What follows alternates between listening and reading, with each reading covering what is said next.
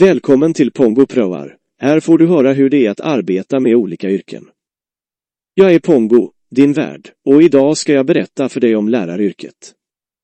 Att jobba som lärare i Sverige innebär att man arbetar med att undervisa elever i olika ämnen på olika stadier i skolan, från förskola och grundskola till gymnasium och vuxenutbildning.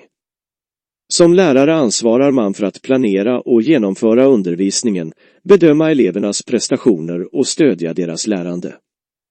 För att bli lärare i Sverige krävs det en lärarutbildning på högskolenivå som vanligtvis tar fyra till fem år. Det finns olika inriktningar beroende på vilket stadie man vill undervisa på, till exempel förskolelärare, grundlärare eller ämneslärare. Det krävs också att man har godkända betyg i svenska och matematik. Den genomsnittliga ingångslönen för en lärare i Sverige är cirka 26 000 till 30 000 kronor per månad beroende på inriktning och stadie.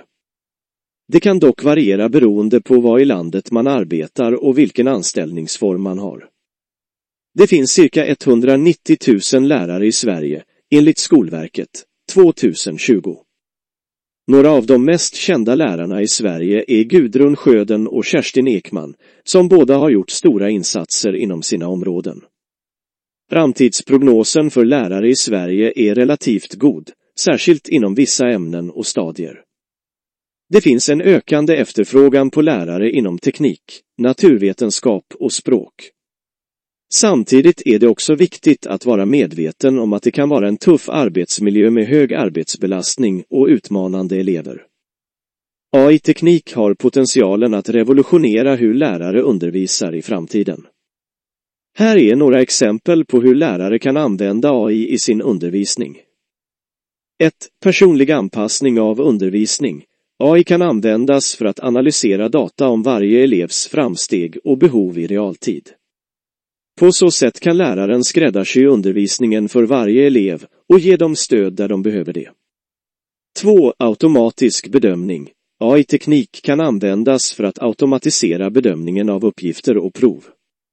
Detta frigör tid för lärare att fokusera på att hjälpa eleverna i sin lärandeprocess. 3. Smarta läromedel. AI kan användas för att skapa och anpassa läromedel efter elevernas individuella behov. Det kan också användas för att rekommendera material som är anpassade efter varje elevs nivå och intressen. 4. Virtuella assistenter. AI-teknik kan användas för att skapa virtuella assistenter som kan hjälpa eleverna med sina uppgifter och svara på deras frågor. Detta kan minska belastningen på läraren och hjälpa eleverna att få hjälp när de behöver det.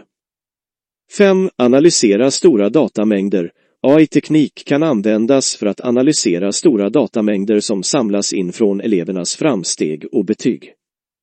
Detta kan hjälpa lärare att identifiera trender och mönster som kan hjälpa dem att förbättra sin undervisning och stödja elevernas lärande. Det är viktigt att notera att AI-teknik inte kommer att ersätta lärare i framtiden, utan snarare fungera som ett komplement till deras arbete. Lärare kommer fortfarande att behövas för att skapa en stimulerande lärandemiljö och för att hjälpa eleverna att utvecklas på många olika plan. Tack för att du har lyssnat.